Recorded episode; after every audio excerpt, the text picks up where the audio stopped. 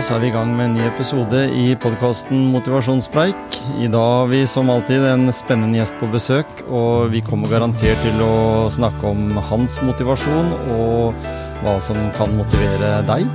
Velkommen til Motivasjonspreik.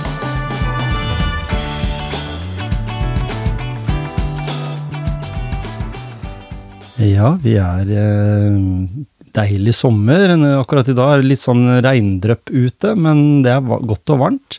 Og her i studio så har vi ikke noe innlagt aircondition, så da må vi bare sitte her og, og nyte en god samtale. Tom Erik Thorsen, velkommen til eh, Motivasjonspreik. Takk for det. takk for det, Veldig hyggelig å være her. Det var uh, sånn Jeg har jo delt opp litt sånn som jeg sa til deg her, med å ha avisfolk, journalister, redaktører og sånn innom. Mm. For jeg syns jo det er en veldig spennende verden. Jeg kommuniserer jo sjøl i en podkast, så, så, jeg er jo glad i den der måten å, å treffe folk på. Men du, du, er jo av den personen som har gått gradene innenfor uh, media, og i dag så sitter du på toppen i avisa Varden. Mm. Uh, og den veien opp dit er jeg jo litt sånn uh, nysgjerrig på, jeg, da. Mm. Hvor er det du har vokst opp hen? Jeg har vokst opp i, i Skien. Uh, litt forskjellige steder. Men uh, bodde først på Gulset, og så har jeg gått, gått på Gjerpen, da. Ja. På, på, barneskolen og ungdomsskolen der. Og så Skien videregående. Så jeg bodde litt forskjellige steder, men stort sett på Falkum. Eller Falkum, da, som, ja. som er fra Falkum, sier Så det er det området der. Og, og for de som da ikke er kjent i Skien, så er det da et område som en eiendomsmegler vil si, i et steinkast unna sentrum, egentlig. ja, jeg vet ikke om huset var lettstelt og alt på én flate, men uh, Nei, ikke sant? sentralt og fint. Ja. Eh, hva kan du si om eh, oppveksten din på 80-tallet? Ja, den var på 80-tallet. Jeg er jo født i 1980, så mm. akkurat født på Ikke på 70-tallet, men Nei, veldig fin.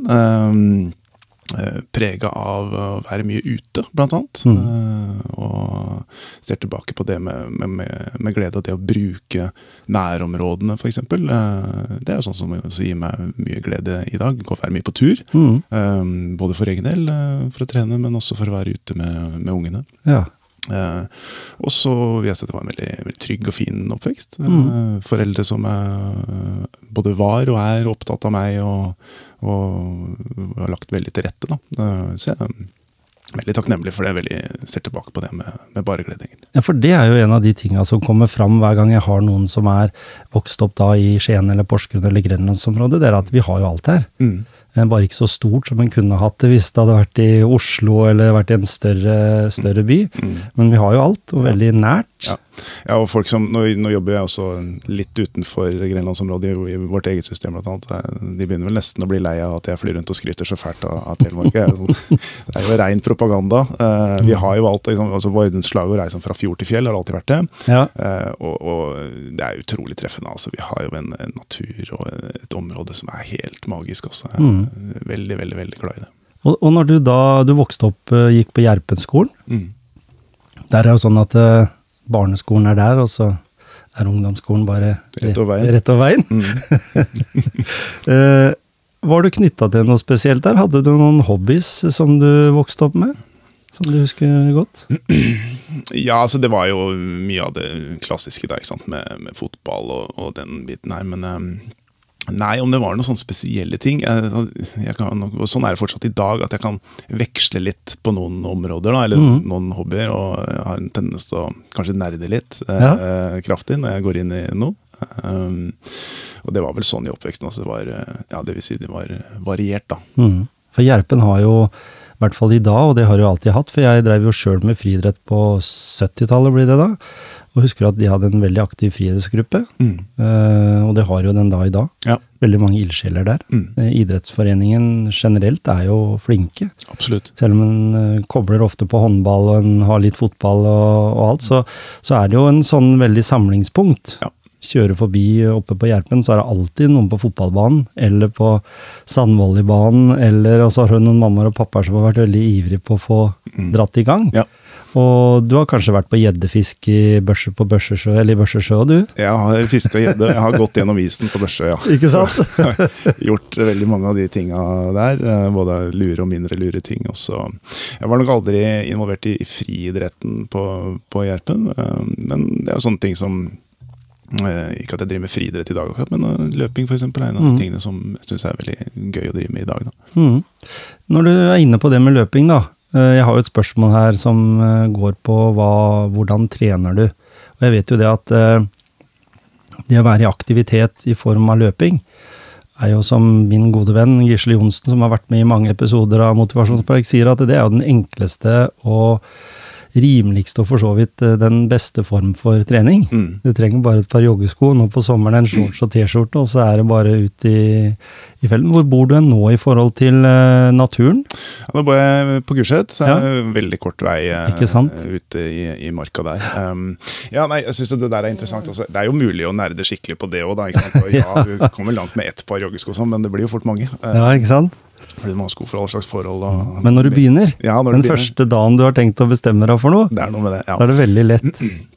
Ja, nei, eh, veldig artig det der egentlig, sånn syns jeg for egen del. Fordi eh, for eh, ja, det er vel et halvannet, to års tid siden, så, så, så gikk det over for meg at liksom, nå, nå er det et eller annet eh, gærent i orden her. Mm -hmm. kjente at jeg hadde mm, kolossalt mye vondt i huet. og det var sånn Jeg liksom begynte å bli litt bekymra. Følte at eh, nå, eh, nå er det et eller annet som ikke stemmer. Eh, er det noe gærent, liksom? Og så uh, tok jeg en tur til, til legen, og det er ikke veldig ofte jeg er der, heldigvis. Nei, ikke bak i bordet og alt det der. Og så hadde vi en god samtale rundt det, og så satte jo han på bakgrunn av den samtalen satte i gang liksom et løp da, som, som imponerte meg veldig. Som var innom alt fra MR til sånn 48 timers EKG og alt mulig. For han lurte jo Ja, ja. på om det liksom, er et eller annet som ikke stemmer her. Er det noe, noe hjertefeil eller et eller annet? Eh, men så sier jo blant annet han eh, kardiologen jeg bare, liksom, du, er jo, du er jo ganske sprek. Du, jeg var jo ikke det da, eh, men var egentlig ganske sprek. Og det, som er, det som er poenget, det, alt dette er kokt ned til at de utfordringene jeg hadde med, liksom, med vondt i huet og dårlig konsentrasjon og alt mulig, det, liksom, det handla om for lite søvn, mm. for lite drikke, vann, Ja. for lite trening. Og liksom, de tre tinga der er jo i praksis gratis. Mm. Sånn, du trenger ikke noe treningsstudio eller noe som helst, egentlig. Det er egentlig bare å komme seg ut. Så jeg um, ja, begynte å drikke nok vann. Eh, nå føler jeg telling, liksom. Ja. Jeg drikker et sted mellom tre og fem liter vann hver dag. Uh, jeg prøver å holde meg i, i trim. Uh, prøver å sove nok. Mm. Prøver å jobbe eh, kanskje litt mindre enn før. Ja. Um, fordi mm, liksom, Jeg jobber nok mye, altså. uh, men, um, men det er ikke liksom time på kontoret eller time foran skjermen som, er- som er det avgjørende. Det er liksom hva du gjør på den tida. Mhm. Uh, og jeg opplevde at når jeg satte i gang med det, mm, uh, så, så gir det resultater. Da? Og, og resultater er alltid noe som uh, motiverer. Og det tenker jeg på, for når du har gått det løpet der, eh, så bruker du ikke så lang tid heller, før du merker forskjell. Det er veldig kort tid. Ja, ikke sant? Det er, det er grusomt den første perioden, da. Ja, ja. men du kommer liksom over en kneik, Mm. og så uh, skjønner man hva, som, hva som gir resultater og ikke. Uh, og så er jo selvfølgelig utfordringen her, som jeg sa, jeg har tendens til å nerde litt mye på ting. sånn at det, det tok jo litt overhånd det der, og meldte meg på å skulle løpe maraton og, og greier. Og løp jo fem-seks dager i uka, syntes det var kjempegøy. Resultatene, ikke sant, altså kurven bare pekte nesten sånn lineært oppover. Uh, og så tre uker før uh, start, så var det ferdig. Ja. Da var det aua i beinet. ja, ikke sant? Så det ble jo ikke Nav. Og Nei. det var jo da en trøkker i fjeset, da, selvfølgelig. Ja, for det er det jo mange jeg snakka med opp gjennom åra, det også at du, du kommer liksom sånn type over 40. Mm. Du gjør noe med kroppen som er Er det, over er det krise? Ja, nei, kan, det er vel ingen som snakker om 40-årskrisa lenger. Er ikke den kommet når du er 50 eller 60, den, eller sånn? Men, 50 er det nye 40? ikke sant? Men den er litt sånn at når du kommer over 40, du begynner å gjøre ting du ikke har gjort for, så altfor mye, Mm. eh, så kommer eh, overbelastningen, da. Ja. Eh, fordi en ikke greier å eh, kjøre med håndbrekket på, som et par jeg har snakka med sier. Du kjører litt med håndbrekket på i starten. Ja. Eh, og som du sa her tidligere også, du var tidlig litt nerdete på ting. Mm. Uh, jeg ser jo på det at du har en løpekropp, så sånn i utgangspunktet så, så tror jeg nok det at du løper ganske lett når du først er ute, og, og da kan jeg godt også skjønne at du kan ha gode sko til enhver anledning, da, Mm. så lenge du har kommet i den alderen der du på en måte sånn økonomisk sett i hvert fall ikke må kjøpe bare joggesko på G-sport Mm, ja, til 199. Ja. For det har mye å si. Det vet jeg sjøl også, den erfaringa jeg har med, med løping eller trening der du må ha gode sko. Mm. Så kommer vi jo litt over på mykhetsgrad og belastning for akilles og hvordan foten din toucher bakken og sånne ting, eller om du løper på asfalt eller i terreng. ikke sant? Det er ganske ja. mange sånne detaljer. Det, som er, det som er helt corny med det, er at jeg, altså, det at jeg nerder på ting, betyr at jeg leser mye, ser mye sånn YouTube-videoer om det og, og hele biten. her, liksom Alle sier da skal du løpe, så må du trene styrke. Ja. Leser jeg igjen og igjen og igjen. Gjør jeg det? Nei. Ikke snakk om. Hva er det som skjer når du ikke eh, gjør det? Jo, da løper du på deg en skade. Det er akkurat det som skjer. ikke sant? Mm. Altså, da står jeg og smeller eh, håndflata i panna. Bare du, nå er du teit, altså. Mm. Eh, veldig gøy, eh, egentlig, sånn sett i bakspeil. Ja, ja. At det går an å være så teit. Gjør, men det er jo liksom litt repeterende, det der, da. For Ja. du, du gjør jo det du liker best. Ja. Og så er du ikke så glad i å gjøre den styrketreningsbiten. Ja. Men, men hva med å kanskje legge inn eh, enkelte styrkeøvelser med egen kroppsvekt da, når du er ute på den løpeturen? Det er jo Mm. et Ja, alternativ. Så, så vet jeg flere gjør, ja, kjempe... som blir veldig sterke av det. Jeg har blitt uh, veldig, veldig glad i, i, i, eh, i yoga, faktisk. Mm. Eh, det er jo i praksis, altså det er mange varianter av det, men den, jeg det jeg har begynt med, er mer sånn kroppsvekt. Ja, ikke sant? Sant? Uh, og det merker jeg også gir veldig resultater på kjernemuskulatur. Da. Ja? Fordi, når du begynner med dette, her, da er det sånn du oppdager på, oi, er det faktisk så dårlig stelt? Mhm. Eh, Eh, altså, det høres ut som jeg er sånn skikkelig utrent og dvask-type. Jeg er vel sannsynligvis ikke det, men, men du merker når du setter i gang med sånne ting, sånn balanse, Mm. eh, sånne plankeøvelser og, og en del sånn, altså det, Her er det ting du normalt sett ikke driver med, da, men som du merker også gir, Mm. det er veldig nyttig for deg, særlig hvis du skal løpe. Så det, det, det har også gått fra, altså det å trene styrke har gått fra å være noe som er sånn kjedelig, åh, skal vi drive med det, til noe som også kan være med på å motivere, fordi det gir resultater. Mm. Over tid, vel å merke, men man må være tålmodig, da. Man Ja. må være tålmodig, både når det, gjelder, altså, når det gjelder alt her i livet. Det, det kan være vanskelig. Og det, er og det er akkurat den kjernemuskulaturen som er viktig å ta tak i. Og hvis den har vært flink til det hele livet, så har den en god kjernemuskulatur øh, og et bedre byggegrunnlag. Er en bedre grunnmur, hvis Ja. en tenker sånn øh, rent fysisk, da, Ja. enn en har en som har slurva med det, og som begynner å gå Birken når den er 42, Mm. istedenfor at den har vært jevnt gått på ski siden den var 12. det er litt den der, da. Ja, jeg drev jo mye med bryting blant annet da jeg var, var øh, yngre. Uh, Mhm. Så da hadde jeg nok en ganske solid Ikke. Men så tror du jo at du beholder det for resten Mhm. av livet, da. Ja. Det er jo rør, ikke sant. Det er ikke riktig. Så du tror jo også at du er mye sprekere enn det du, Mm. enn det du er, eh, før du oppdager liksom oi eh, Jeg sjøl tenkte på det når jeg eh, har jo alltid trena mye, og så var det en lite opphold når ungene vokste opp, husker jeg.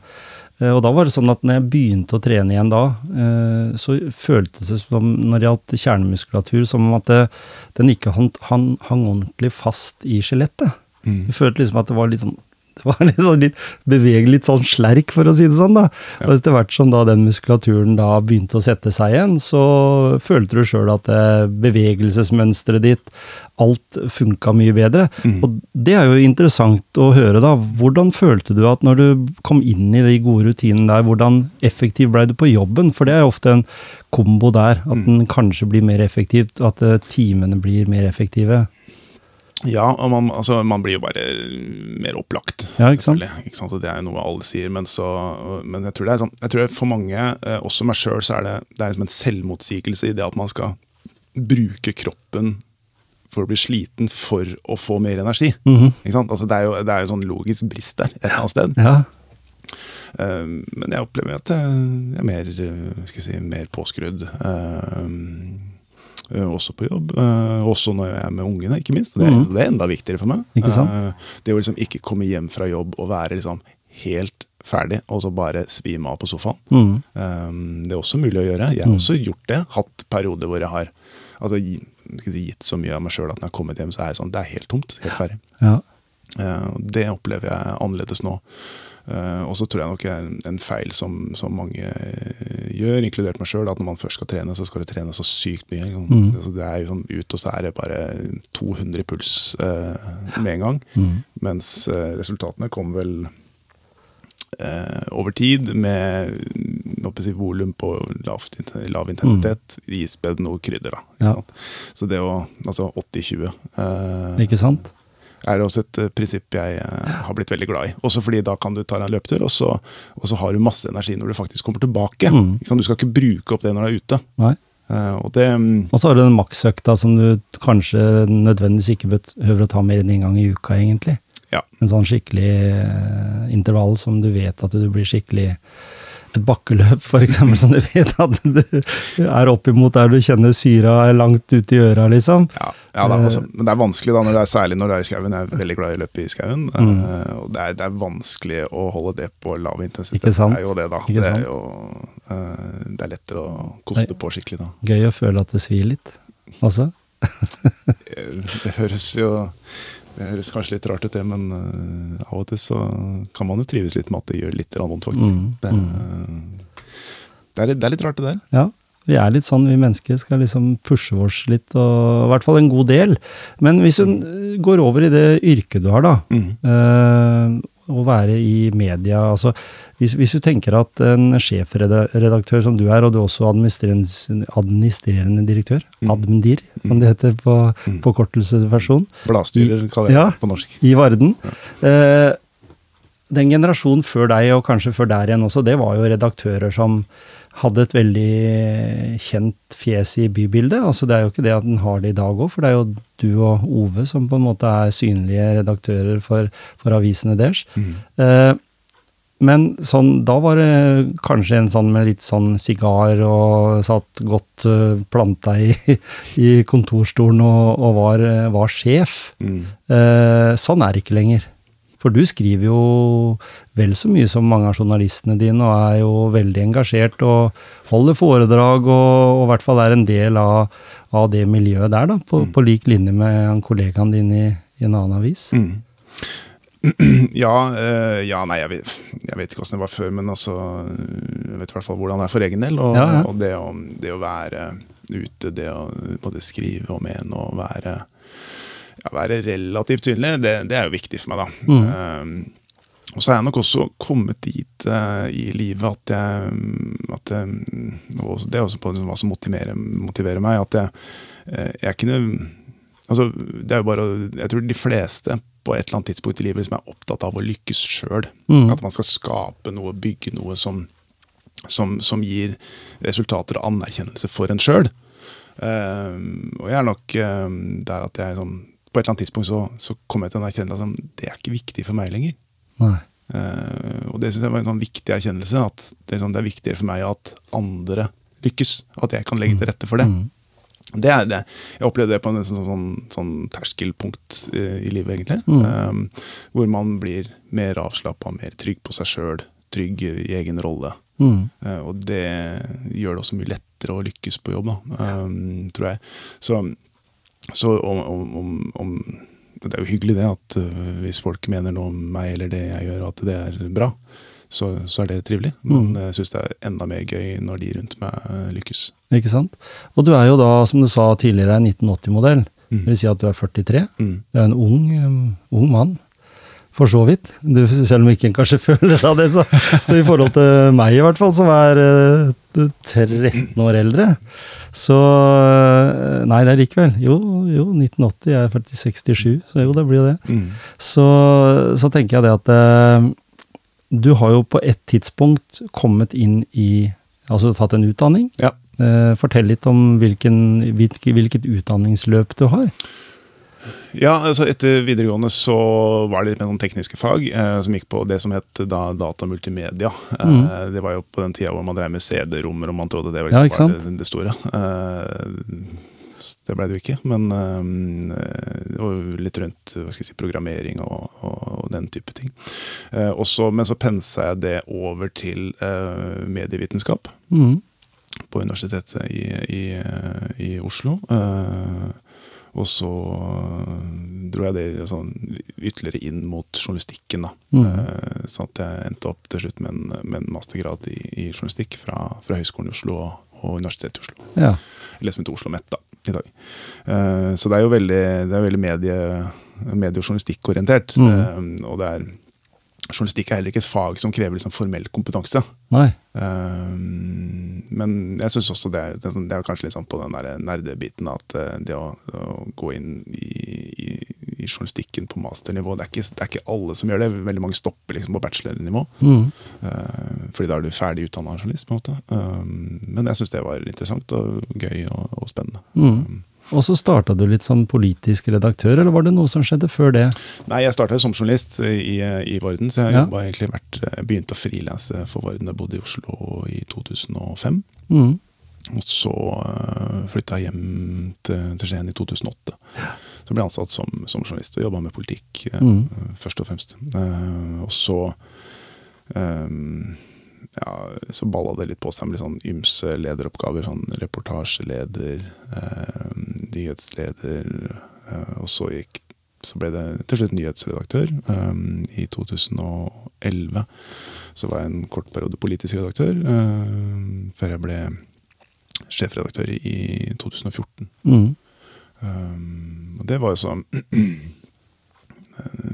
den, den overgangen der mellom å være eh, nyhetsredaktør og, og, sjefredaktør. Det er sånn, sånn hvis, hvis, alle liksom, trinn i karrierestigen er liksom et steg i trappa, mm. så er det liksom, liksom fem, seks, syv trinn For å opp dit, ja. ja eh, det siste, siste trinnet er veldig høyt. for liksom, alt du sier eh, er liksom volumknappen er på fullt. Mm. Eh, alle forventer at du skal mene noe om mye. Mm. Eh, det er et eh, ansvar. Eh, og Det, det syns jeg også er sånn interessant å reflektere om fortsatt. da? Hva slags ansvar man har for ikke bare det produktet man lager, men arbeidsplassene og, og, mm. og hele biten her. Og, det, og det, det, er ikke noe som tynger, men man skal være bevisst på det.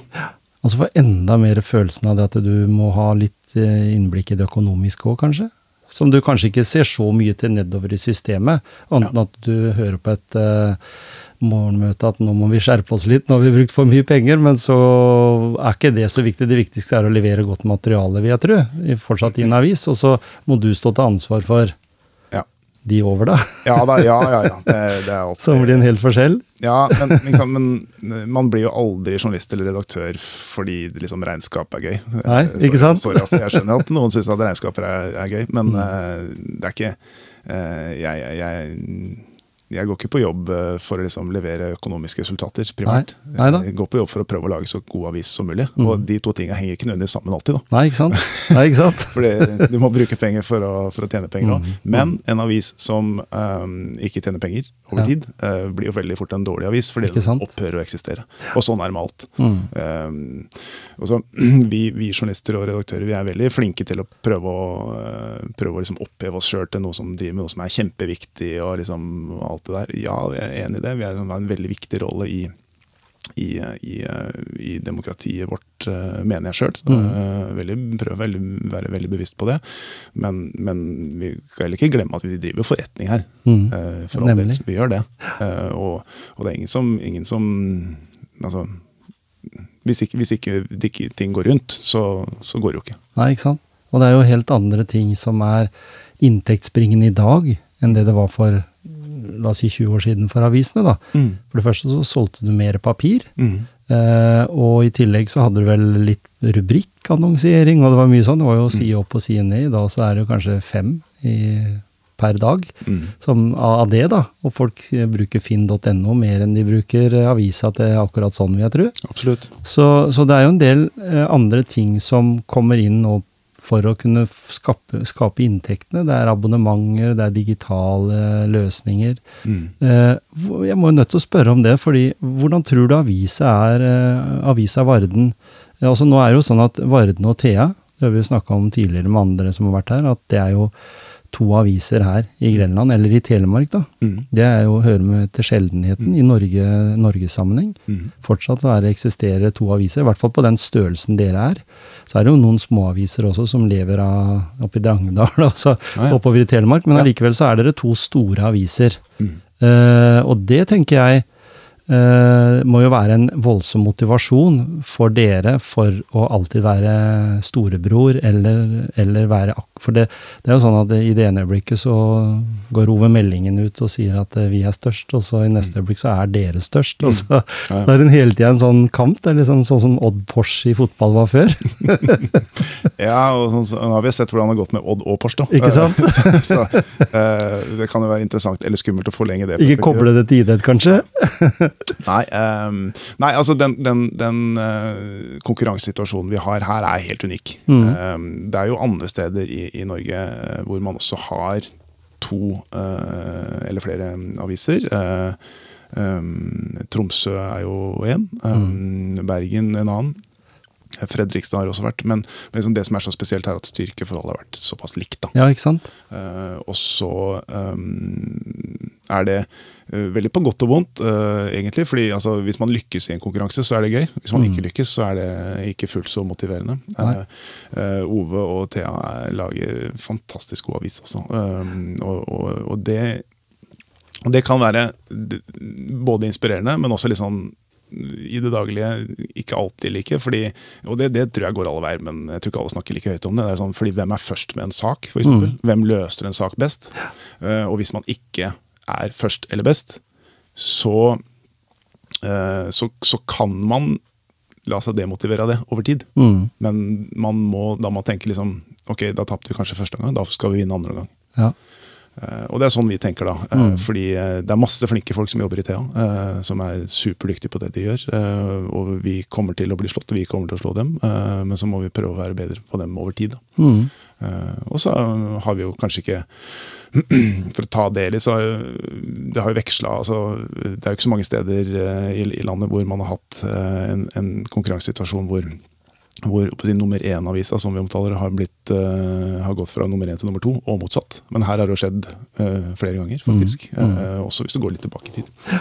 Og det er viktig for oss å, å, mm. å, å være nummer én i vårt marked. Det er også vårt mål. Ja, ikke sant? Um, tillegg, altså, og for å gjøre det, så må vi jo enkelt sagt lage god avis. Men det er et mm. mål i seg sjøl at vi skal være nummer én. Mm. Um, det er ingen som går på jobb for å være nummer to. Nei, ikke sant? Det, det, det, det sier seg jo sjøl. Ja. Men inspirerer det litt uh, nedover i systemet? Jeg tenker på en journalist da, det blir litt kamp om nyhetene, som du sier. Telemark er jo et lite fylke. Mm. Uh, Vestfold-Telemark blei liksom ikke helt som forventa, fordi uh, dere tok ikke foten langt over fylkesgrensa før det var slutt. Mm. så, men allikevel så, så, er det jo, popper det jo opp en del Larvik-området. Altså, for dere er jo med i en, i en familie. Mm. Avisfamilie. Mm. Ja, Varden er en del av uh, et mediekonsern som heter Polaris Media. Mm.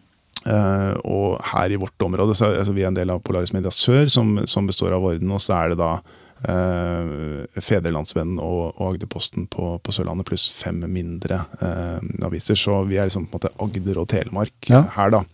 Vi har ikke noe i, ikke noe i Vestfold. det er Amedia som har. Amedia er vel enerådende i, ja, i, i, Vestfold. Um, og så vil det alltid være sånn at folk leser i Varden for å lese om det som skjer her, mm. Eh, og lokalt. Mm. Ikke nødvendigvis andre steder i landet. Men, men vi ser jo at det å, det å kunne eh, det er noen saker som er liksom mer sånn allmennyttig. Mm. Eh, så vi har jo et, et samarbeid med, med, de andre avisene her i, i, sør, hvor vi hender at vi publiserer noe av deres innhold, som er bra. Og så har vi også et, et partnerskap med Aftenposten. Ja. Som gjør at vi, vi, publiserer eh, noe av det innholdet de lager. Mm. som går på, Det er en del sånn sprek innhold som handler om, om kosthold og trening. Eh, litt om reise, mm. eh, litt om bolig. En del sånne temaer som ikke nødvendigvis er liksom geografisk bestemte. da. Fordi altså, Skal du trene, så spiller det ikke noen rolle om du bor i Skien eller Bærum. liksom. Nei, ikke sant? På måten du gjør ting på. Og så er det jo vel litt sånn kanskje at eh, hvis du skulle hatt all den kompetansen også inn i deres organisasjon, mm. så ville det på en måte vært kostbart, for du måtte hatt mange flere folk i jobb. Kanskje noen måtte fokusere på f.eks. bolig, da. Mm. Men tenker at bolig er jo interessant. Vi ser jo at avisene skriver veldig ofte om, eh, om um, salg av bolig. Ja. hvor mye de har fått for ting. Hvor mye de har fått for hytter, og det legges veldig mye energi i det. Mm. Uh, og det er vel litt den der nysgjerrigheten folk har, fordi de kan sammenligne det med sitt eget. På samme måten som, som en da går inn på det med trening. Mm. Ja, jeg trener jo sånn, Uh, kanskje jeg skulle lytte litt til det som blir sagt der. Mm. Uh, så det har jo noe med det at eh, selv om en, altså, nasjonale nyheter kan godt være litt Jeg, jeg leste vel en story i, i eh, Varden som gikk på en, en som pussa opp en båt eller noe sånt. Det nevnte jeg for uh, Tøm, faktisk. Mm. Uh, og det var uh, Og så trodde jeg det var her. Mm. Og så var det oppe i Båtsfjord eller noe sånt. Det er ganske langt nord. Mm. Så tenkte jeg det må jo vel være 100 stykker i Grenland, Telemark som også pusser opp en båt helt fra bånn Tenkte jeg da. Men allikevel, som du sier, da er det en godt skrevet artikkel som kanskje har fått mange klikk, da. Ja. Hvis en tenker den digitale verden vi har, og mange som har lest den. Mm. Den har jo kanskje mye mer oversikt over hva hver enkelt artikkel eller hva hver enkelt reportasje, eh, hvor mange som leser det i dag, enn Mm. det en hadde før. Er det riktig? Ja, ja, ja. Ja, for all del. Um, og så eh, Hva gjelder bolig, da, for, for, for å ta det, så jeg tror, vi, jeg tror vi skal huske på også at um, uh, bolig er den soleklart største investeringa for oss alle. Mm. Det, er, det er også noe som skiller Norge fra ganske mange andre deler av verden. Når Mm. vi, vi eier boligen vår, de, de aller, aller fleste av oss. Eh, Sånn at interessen for det er stor. Det tror jeg handler mer enn om enn bare liksom en sånn nysgjerrighet. Mm. Eh, Men eh, eiendomsoverdragelse, for eksempel. Altså, folk sitter jo Folk satt jo i, i, i gamle Ja, ja. og satt med, liksom, med penn og streka under i, i avisa. Mm. Fant ut av mye der, i forhold til folk som hadde reist fra hverandre, og andre som hadde gått bort og kjøpt noe. Så, 'Å, skal de flytte hit?' liksom, og så kjente Ja. navnet, ja. Ja, Mm. ja da, og, og hvis en ser litt sånn etymologisk på det, så sånn, tinglysing handler om, liksom å, om å fortelle at her skjer det en endring. Mm. At det er en del, av, en del av vårt samfunn at vi har eh, mye åpenhet rundt sånne ting. Mm. Og det, tror jeg, og det tror jeg er viktig. Men hva gjelder, altså du spør om, om, vi, om, vi, om vi vet mye om hva som leses og ikke, og svaret på det er jo ja. Mm. Eh, I motsetning til da vi lagde papiravis, Ja, eh, så vet vi nå veldig mye om hva som fungerer, og hva som ikke fungerer. Mm. Eh, og, og vi vil jo eh, aller helst lage um, saker, fortelle historier som engasjerer folk. Mm. Uh, og så er det jo sånn at eh, folk er opptatt av viktige ting. Mm. Så er folk som er ja, det er bare sånn, det er det negative som selger. Nei, det er faktisk ikke det, altså. Uh, de sakene som leses aller best, er saker som er positive. Ja. Uh, som, som får folk til å, eh, til å smile, til å, ja, til å motivere, til å inspirere. Folk vil jo heller mye lese om, om uh, arbeidsplasser som kommer, Mm. uh, enn at folk blir knivstikket. Liksom. Eh, Men så er det også sånn at nyheter handler om altså En nyhet er noe som er et avvik fra normalen. da, Mm. ofte. Mm. Det at ting fungerer som det skal. Det er liksom at det at ordføreren eller, eller kommunedirektøren går på, på jobben og gjør jobben sin, er liksom ikke en nyhet. Eh, Men det er når de ikke gjør jobben sin, Mm. det er da det blir en nyhet. Eh, Og det, og det er også en slags forklaring på hvorfor vi forteller om eh, si biler som går i grøfta, eh, eller at hus brenner ned. Ikke sant? Dette er avvik fra normalen. Mm. Um, og det engasjerer folk. Og det er jo, det er jo derfor altså folk, vil, folk er opptatt av å være oppdatert på lokalsamfunnet sitt. Mm. det, det tror jeg ikke handler om nysgjerrighet, men det handler om at vi vil være en del av et fellesskap. Ja, Og der spiller vi som lokalavis, hvor vi kan være både lim og lupe, en, Mm. en viktig rolle. ikke sant? Og, ja, men jeg tenker sånn ofte på det eh, Jeg, jeg syns jo papiravisa er eh, Altså, jeg vet jo stort sett hva jeg leser, fordi jeg har sett det på, på mobilen tidligere. Mm. Men det er noe med det der å få den der avisa. Og jeg har jo en kone som jobber på biblioteket. Mm. Jeg sier jo den viktigheten i det å bla i noe. Det, som jeg ser jeg har, jeg har jo pad jeg kunne brukt som jeg kunne ha notert, men jeg har jo fortsatt så skjønner jeg min egen håndskrift. Ja. så det er noe med det derre analoge ved hverdagen, den der avisa. Er, men, men jeg har, da har jeg lyst til å spørre, er det eh, eiendom altså eiendomsselskaper, eller de som selger bolig og bil, som er mye med på å hjelpe dere til å fortsette å ha en eh, papiravis? Fordi de er jo veldig delaktige i forhold til å annonsere gjennom avis fortsatt. Mm, nei. Eh, nei, det vil jeg ikke si. Eh, men altså, det har vært en, en, en, dramatisk dreining i medieøkonomien. Altså, mm. Hvis vi skrur ja, litt sånn upresist, men si vi skrur klokka 15 år tilbake, så var kanskje 70% av inntektene våre fra annonser. Ja, ikke sant? Eh, primært da i papir. Mm. Eh, nå er det mer 70 brukerinntekter. Mm. primært fra digital etter hvert. Um, og jeg tror at det er i, i, i grove trekk en veldig sånn, en positiv endring. Vi har, vi har, alltid hatt et veldig skarpt skille mellom børs og katedral. Mm. Uh, det vil si altså Markedsavdelinga vår har ingenting med hva vi gjør i redaksjonen. Nei. Uh, og, uh, og det er prøve, altså, fordi integriteten vår er det vi mm. lever av. Ja. Det at du kjøper en annonse i Varden betyr ikke at du skal få positiv omtale. Nei, hadde det vært sånn, så hadde vi vært out of business. Ja, for sånn er det jo noen småaviser, sånne type fra Kjørbekk eller et eller annet som blir gitt ut det to ganger i året. De er jo ofte sånn det er liksom varmepumpetilbud på venstre side, og så har du en reportasje om varmepumpe på den andre. Mm. Altså, og det syns jeg er veldig fint at den holder det atskilt. da. Ja, altså Vi er jo underlagt noen regler for ikke den, sant? som gjør at vi, vi ikke kan uh, blande de to tinga. Uh, og, og, det, og, det, er veldig viktig, og der er vi mer katolske enn paven altså, mm. uh, på mange områder. Og noen kan jo oppleve det som liksom problematisk. men vi, vi må vi, altså Det vi skriver om i avisa, skal vi gjøre fordi vi mener at det er redaksjonelt interessant, ikke fordi det er kommersielt interessant. Men så er det jo også altså Litt av utfordringa kan det være at altså, når, når, folk spør meg liksom, lager dere den for at folk skal klikke på den. Ja, selvfølgelig gjør vi det. Mm. Altså, vi driver forretning, vi òg. Ja. Det er jo ingen som, ingen som selger biler eh, for at folk ikke skal kjøpe dem. Eh, og sånn vil det også være med, i en avis. Vi mm. lager saker for at folk skal lese dem. Eh, problemet, er, eh, liksom, problemet, er, at hvis vi, hvis vi eh, driver med klikkfiske eller er eh, for sensasjonelle, eh, så dummer vi oss sjøl ut. Mm. Eh, fordi ingen liker å bli lurt, ikke heller avislesere. Det har vi jo masse data og innsikt på nå. Vi kan jo se når, altså, hvor stor andel eh, av de som går inn på en sak, hvor, hvor fort de spretter ut igjen. Mm. Altså, hvis det er en høy andel av det vi kaller quick exit, så har vi bomma. Fordi da har folk gått inn på en sak, og så var det ikke interessant å lese og så går de ut igjen.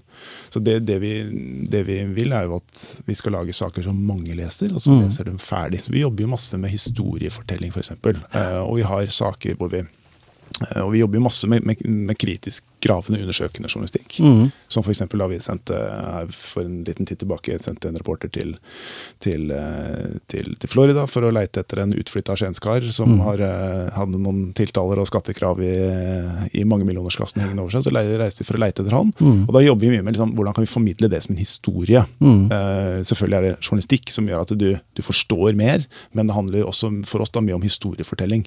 Uh, og, og, da har vi jo saker som har liksom lesetid på 7, 8, 9, 10 minutter. Uh, og så kan vi se liksom, når, når, folk ramler av i saken. Har vi liksom lagt inn passasjer som er kjedelige, som ikke har framdrift? Er det elementer som, som gjør at vi kan liksom, dra med leseren videre? Mm. Det, det, er viktig at vi mm. liksom, klarer å fortelle historien fullt ut. Og da snakker du om Fredrik. Han er vel kanskje litt sånn mer enn en normalt interessert i det politiske òg? Altså den Litt, Fredrik Nordahl, ja. ja. ja. Litt gravende. for, å, for, å være, for, å, skape litt sånn debatt rundt uh, ulike temaer. Ja.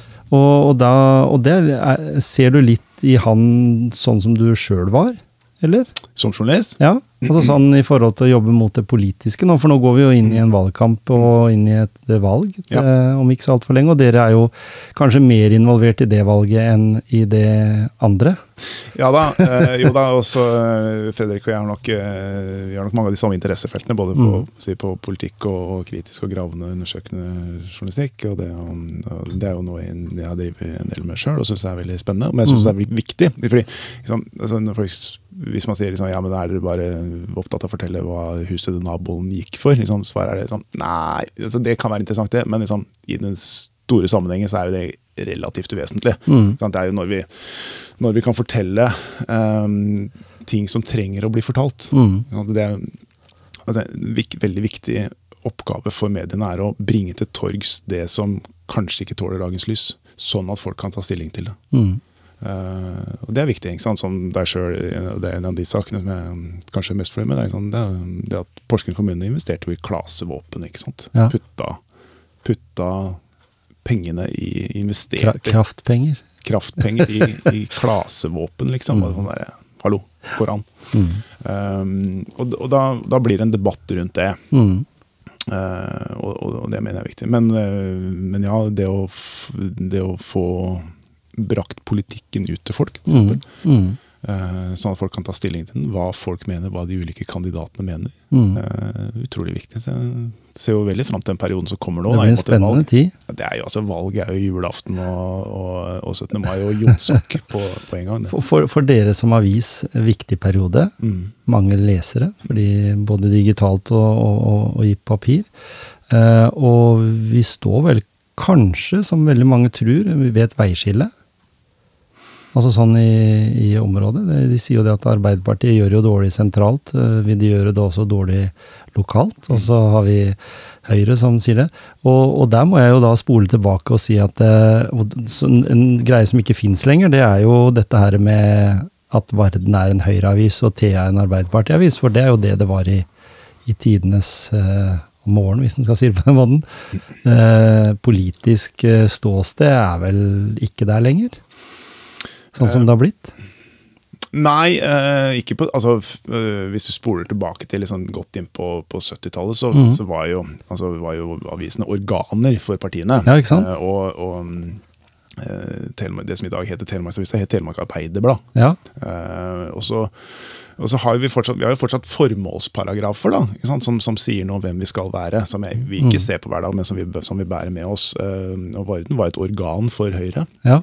Før det så var jeg faktisk et organ for Venstre mm. eh, på 50-tallet. Eh, før det var et veiskille der eh, eh, hvor man bytta fra venstre til, til høyre. Eh, og, og før det så var jo også Varden en veldig sånn eh, radikal avis. Mm. Det starta av Den røde bules menn. I Ja, ikke sto i veldig opposisjon til, til godseiere som vi har her i området. og mm. sånne ting. Så vi, vi har sånn, vi har en variert historie der. Det er, Mhm. ikke, det er ikke bare det at vi har bakgrunn som en, som en borgerlig avis, men i likhet med veldig mange andre store regionaviser, eh, så har vi også en bakgrunn fra Venstre, ikke sant? Mm. Eh, partiet Venstre eh, og, og Høyre. Det sto jo veldig sterkt tidligere med Når vi hadde han eh, Gunnar Knutsen og, Ja. og den eh, industrielle veksten vi hadde rundt, rundt nettopp partiet Venstre, da. Ja, er- og, og, og jeg synes jo Da er vi over på et helt annet tema, liksom, men hvordan eh, altså Den arven etter Gunnar Knutsen og det som har med strøm og kraft og sånn, som er veldig aktuelt i dag, synes Ja, ja. jeg er kjempespennende. Tenk, tenk om noen hadde i den vindkraftdebatten vi har nå, tenk om Mm. noen hadde foreslått at vi skal sette et område eh, under vann. Altså et område på 4000 fotballbaner under vann. Folk må flytte fra gårdene sine, vi skal legge fosser i rør og alt mulig Mm. sånt. Altså, det gjorde vi for 110-20 år siden. Ja. Eh, Ikke ukontroversielt, men det er jo ingen som diskuterer liksom, hvor vi, i dag hvorvidt det var riktig. Neida. Eh, men eh, å, å sette opp noen, noen vindturbiner her, det, altså, da, da koker det, altså. Det, men det, har det har blitt den, vi har blitt den nasjonen vi er, tenker jeg. Ut ifra det som har blitt gjort. Allerede fra den tida, men spesielt fra 50-, 60- og kanskje 70-tallet når olja kom, da. Men vi, vi holdt jo, vi klora jo oss fast. Vi hadde jo en veldig bra industri eh, fra Hydro og, og, og mange av de virksomhetene der, og kraftindustrien ikke minst.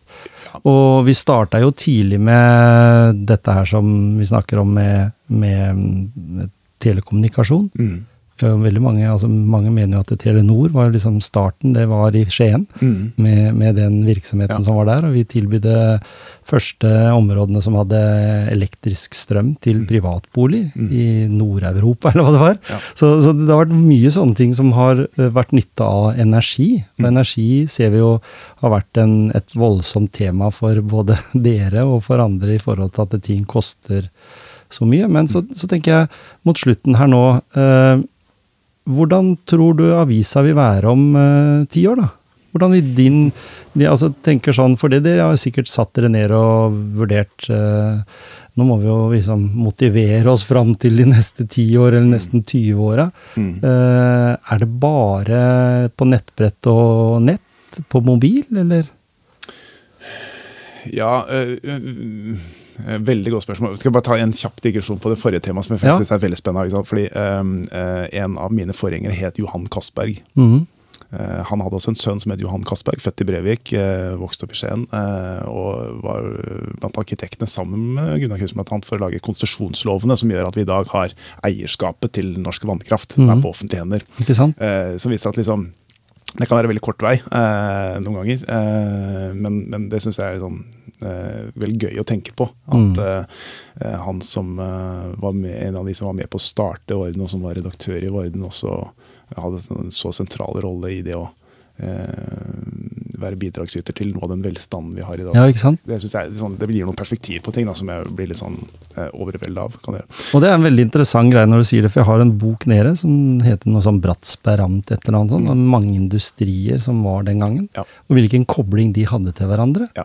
Eh, At den personen som eide den bedriften og den båten, eller de skipa, da, og var reder, også hadde en Han var styreformann for Porsgrunn Porselen, og så, og så var det liksom Altså, det var en kobling, og noen ville vel sagt i dag at eh, du er statsminister, du kan ikke sitte som bedriftseier og drive det og det og det, men så sier du jo nå at eh, det faktisk kom mye godt ut av det for fellesskapet. Fordi de var jo partipolitisk, så bygde de jo Altså For det norske demokratiet, som vi, altså måten vi driver landet på, det har vi jo tilbake til vikingtida, egentlig. Måten å lytte til alle, og at alle får være med og ha en stemme.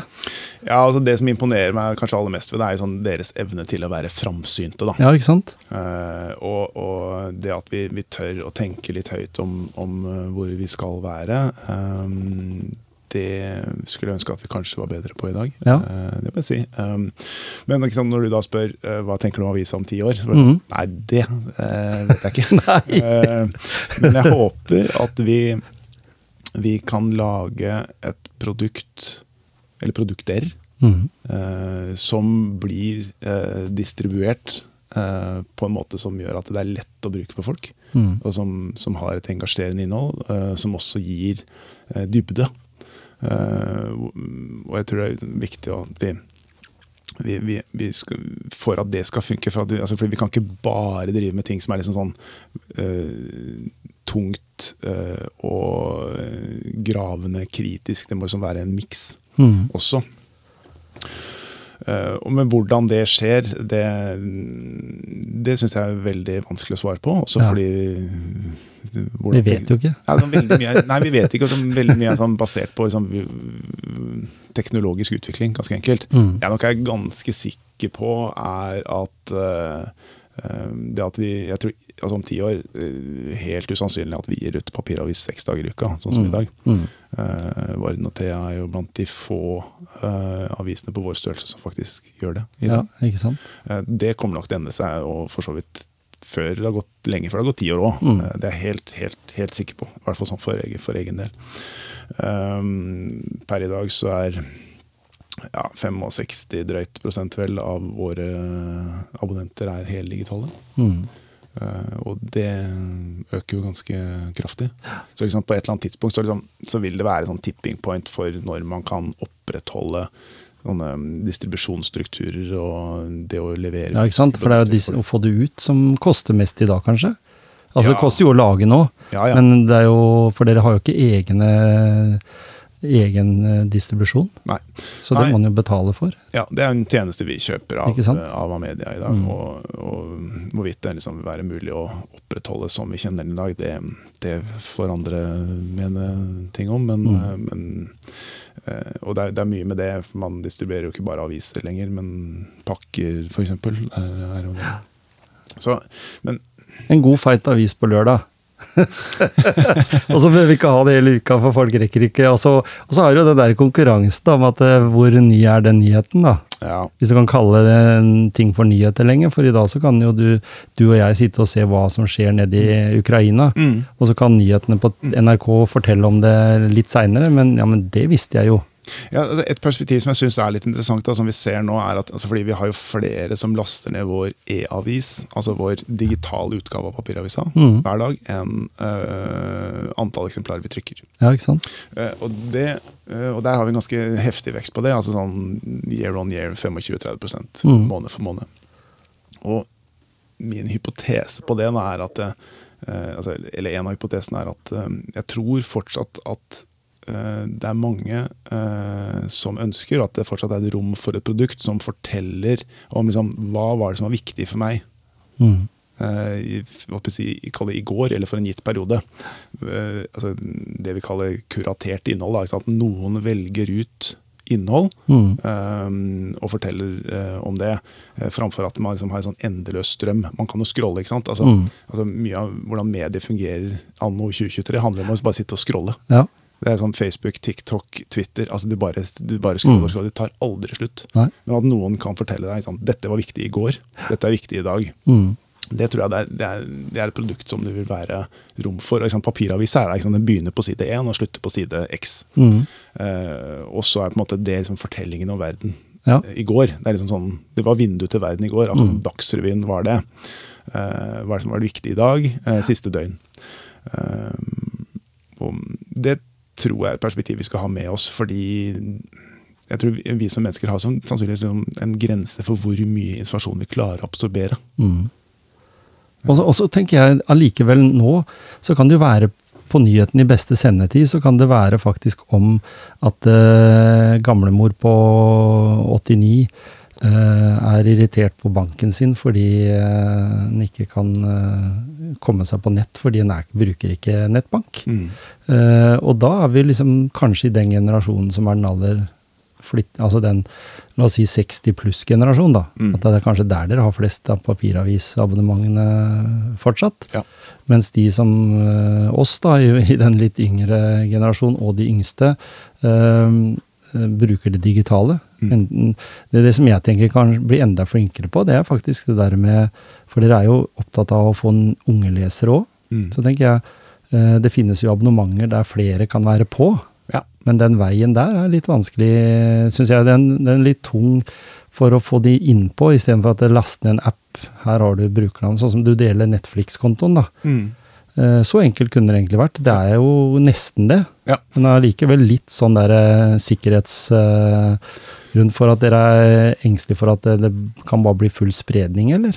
Nei, altså øh, det er, litt, det er noen tekniske grunner til det. Ikke sant? Eh, er jo det er jo en av de tingene som vi har jobba mye med de siste par åra. Det er å, å få skifta ut den tekniske plattformen. Som er en del av av si, Skipsted-universet sånn rent teknisk. Eh, Som gjør at du kan bruke samme kontoen på Finn og Aftenposten og, og, og Volden.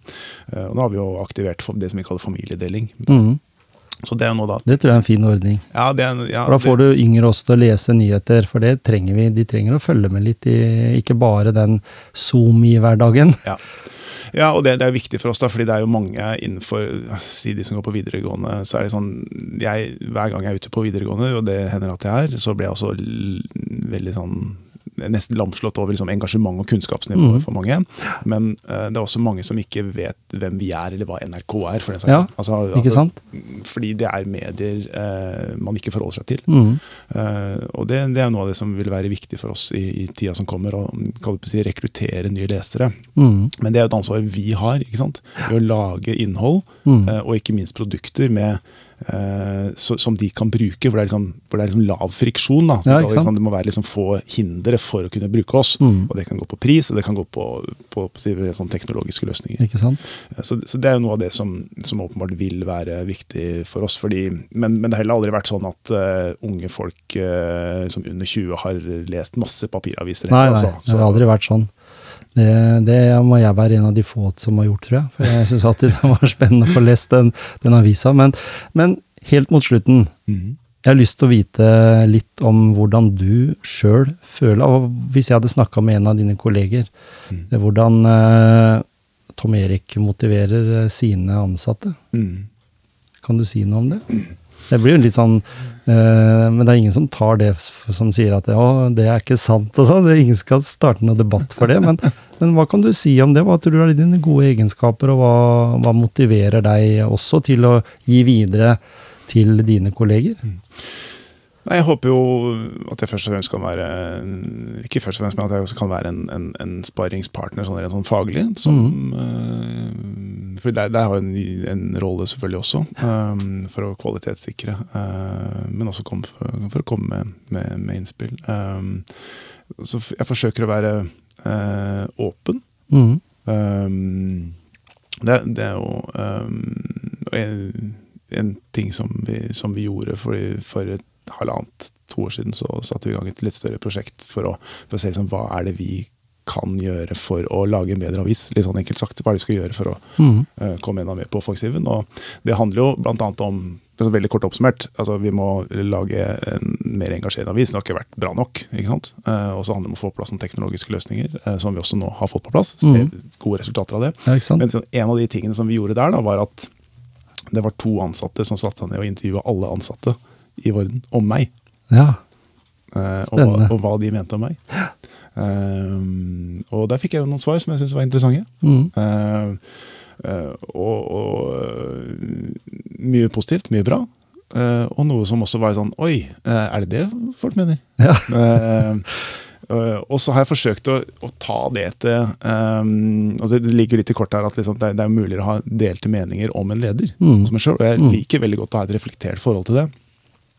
Eh, så det at, jeg, eh, det at, liksom, at man gjør sånne ting, og, man, og når man får resultater av det, enten det er medarbeiderundersøkelser, eller ting, så liksom er jeg veldig åpen på det. Mm. Eh, ok, du eller dere mener det eller det. Eh, ok, jeg har lyst til å fremstå sånn eller sånn. Hvis ikke det er sånn eller sånn, så må vi prøve å gjøre noe med det, da.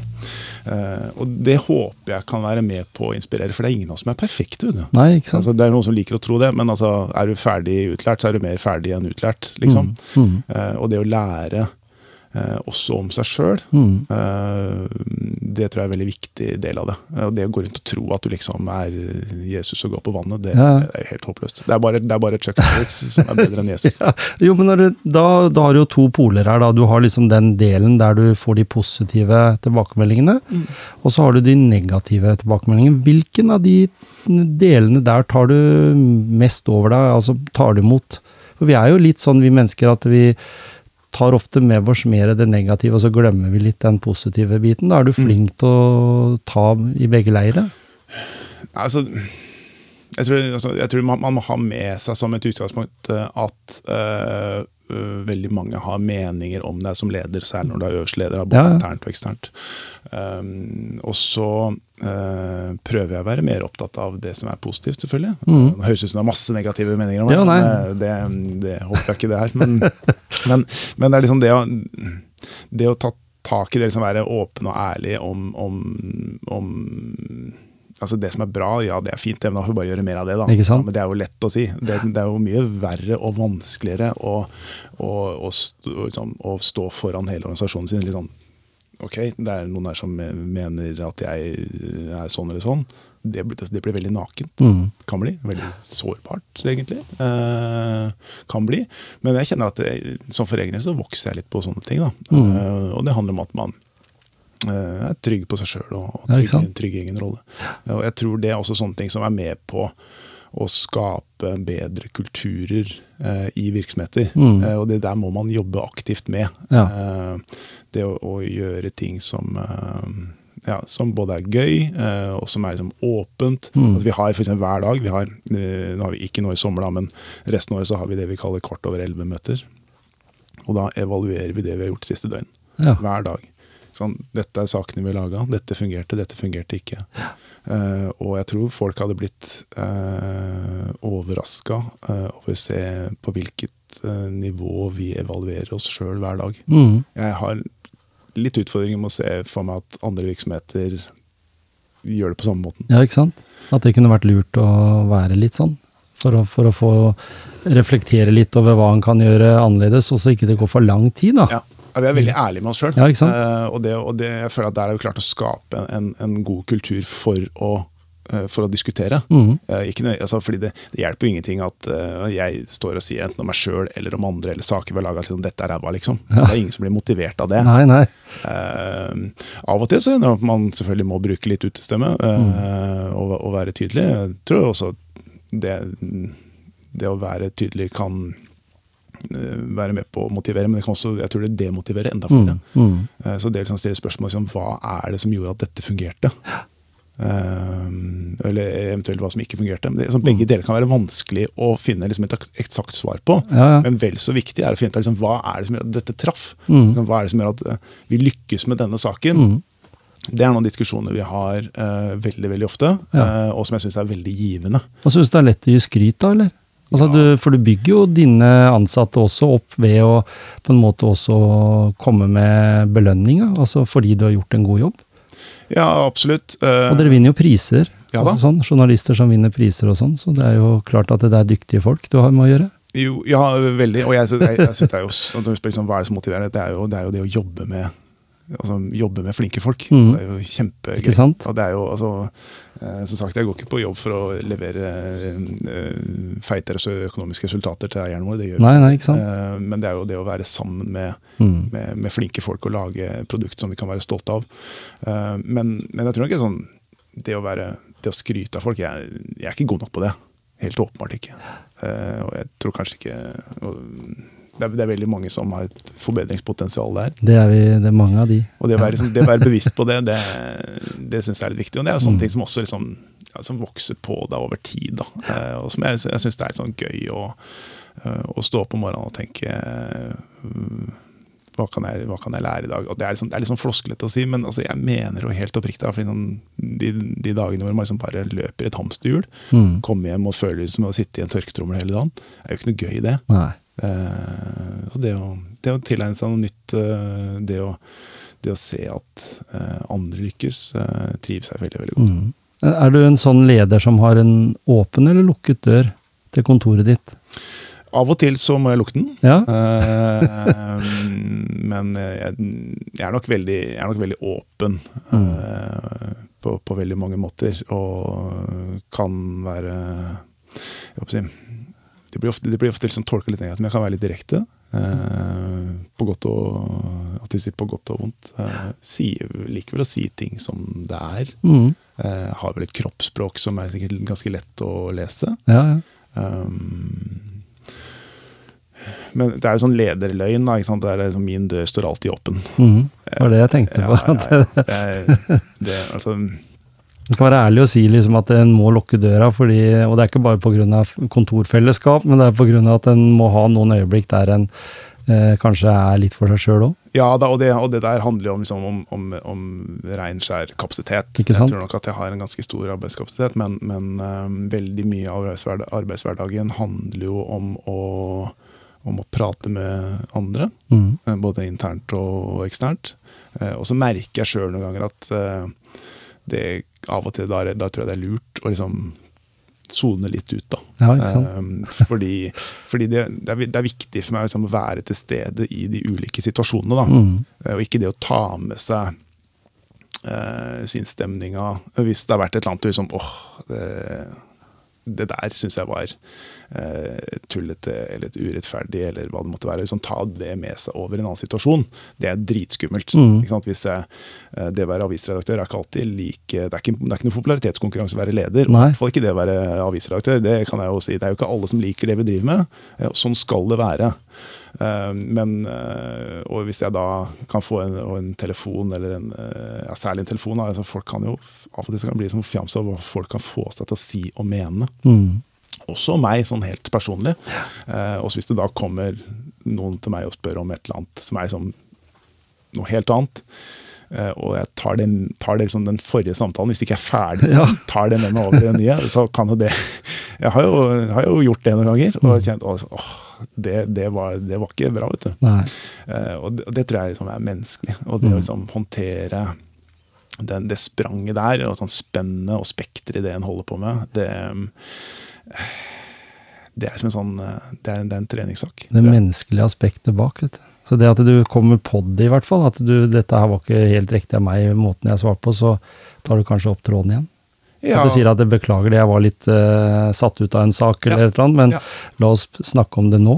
Ja, og, og Eh, liksom, er en litt annen vei, og litt mer rettferdig vei å gå i forhold til den personen som i hvert fall fikk den, Ja. den uh, tennisballen i ansiktet. ja, det, ja, jo, jo men det er noe med det. Eh, og så tror jeg ikke jeg, jeg tror ikke jeg er så fæl, altså, men, men, jeg, men jeg prøver i hvert fall å, å, å være sånn åpen på sånne ting. Mm. og Prøve å utforske um, og forstå eh, hvorfor både jeg og andre kan reagere, tenke og Mm. resonnere som vi gjør. Uh, jeg er nok eh, ganske uh, analytisk av meg som, som, som type, og det, det finner jeg som en, det finner en glede i det. Altså det en, en konsekvens av det handler om at jeg, jeg prøver liksom å være liksom reflektert rundt min egen rolle også. Ikke sant? Helt til slutt vil jeg spørre deg, for det ble en lang avslutning. jeg så her. Men en god samtale og en motiverende samtale må en alltid eh, fullføre. Eh, hvordan lader eh, Tom Erik, da? Når, når liksom døra til kontoret er lukket og du skal lade batteriene. Mm. Er du på korttidslading det meste av tida, eller langtidslader du? Nei, det er mange, mange ting. Det. Nå, er jo, nå er jo sommer, og det, jeg kjenner jo sjøl at uh, i går så var jeg med ungene mine i sommerland. Mm. Uh, og det var jo 8-29-30 grader, eller hva det var, sikkert ja, ja. når sola steika. Og så kjenner jeg at åh, dette, dette, Nå kjenner jeg at jeg på en måte tømmer batteriet, men samtidig gjør jeg ikke det. Um, det å Særlig det å være sammen med ungene mine. De motiverer meg veldig. Uh, også fordi de er flinke og veldig greie med meg. Mm. Eh, men, men, det er jo noe av det som inspirerer i hverdagen. Og jeg tror det er viktig også, på samme måte som man skal ha et reflektert forhold til seg sjøl, hvordan man framstår, så er det viktig å ha et reflektert og balansert forhold til det, altså hva som er jobb og hva som ikke er jobb. Mm. Eh, for meg så går liksom jobb og privatliv Det er jo Ola Omminan som Ja. Det er litt sånn eh, livsstil å være ja, sjef. Ja, det er jo det, og det er, liksom, det er jo døgnet rundt, mm. egentlig. Så man må prøve å sette noen, noen grenser der. Eh, hvis ikke så, så, kan det gå gærent. Jeg har jo kjent litt på det noen ganger, at liksom, nå beveger jeg meg opp til en grense som kanskje ikke er uh, bærekraftig over tid. Mm. Så det, liksom, det, å lade, det å koble av, uh, veldig viktig. Uh, trives utrolig godt med å være ute og ta meg en, ta meg en løpetur, eh, kanskje særlig i skauen. Eh, mm. Gå i fjellet. Eh, hytte i Vinje, som jeg trives veldig godt eh, på. Eh, det å liksom sitte helt stille og rolig på Snaufjellet og høre at vinden suser rundt seg, det er det noe eget med. Mm. Eh, men, men, du kan ikke drive med det i hverdagen nødvendigvis. Nei, nei, men... Og så er det å ja, ta seg en tur på, på fotballkamp. Nå syns jeg det er ganske kjedelig å se på Odd for tida. Uh, men, uh, så jeg er liksom usikker på om det inspirerer eller, uh, eller det motiverer. Men, men det, å, det, å, ja, det, å, skru av litt på sånne ting syns jeg, synes jeg er viktig. Mm. Tusen takk for en veldig hyggelig prat. Vi kunne sikkert prata mye mer. Vi gikk ikke inn i dybden i politikken som skjer etter hvert, med valg og sånn, men, men akkurat som passe motiverende samtale, syns jeg. Mm. Så bra. Supert at du blei med. Takk for at jeg fikk lov til å komme.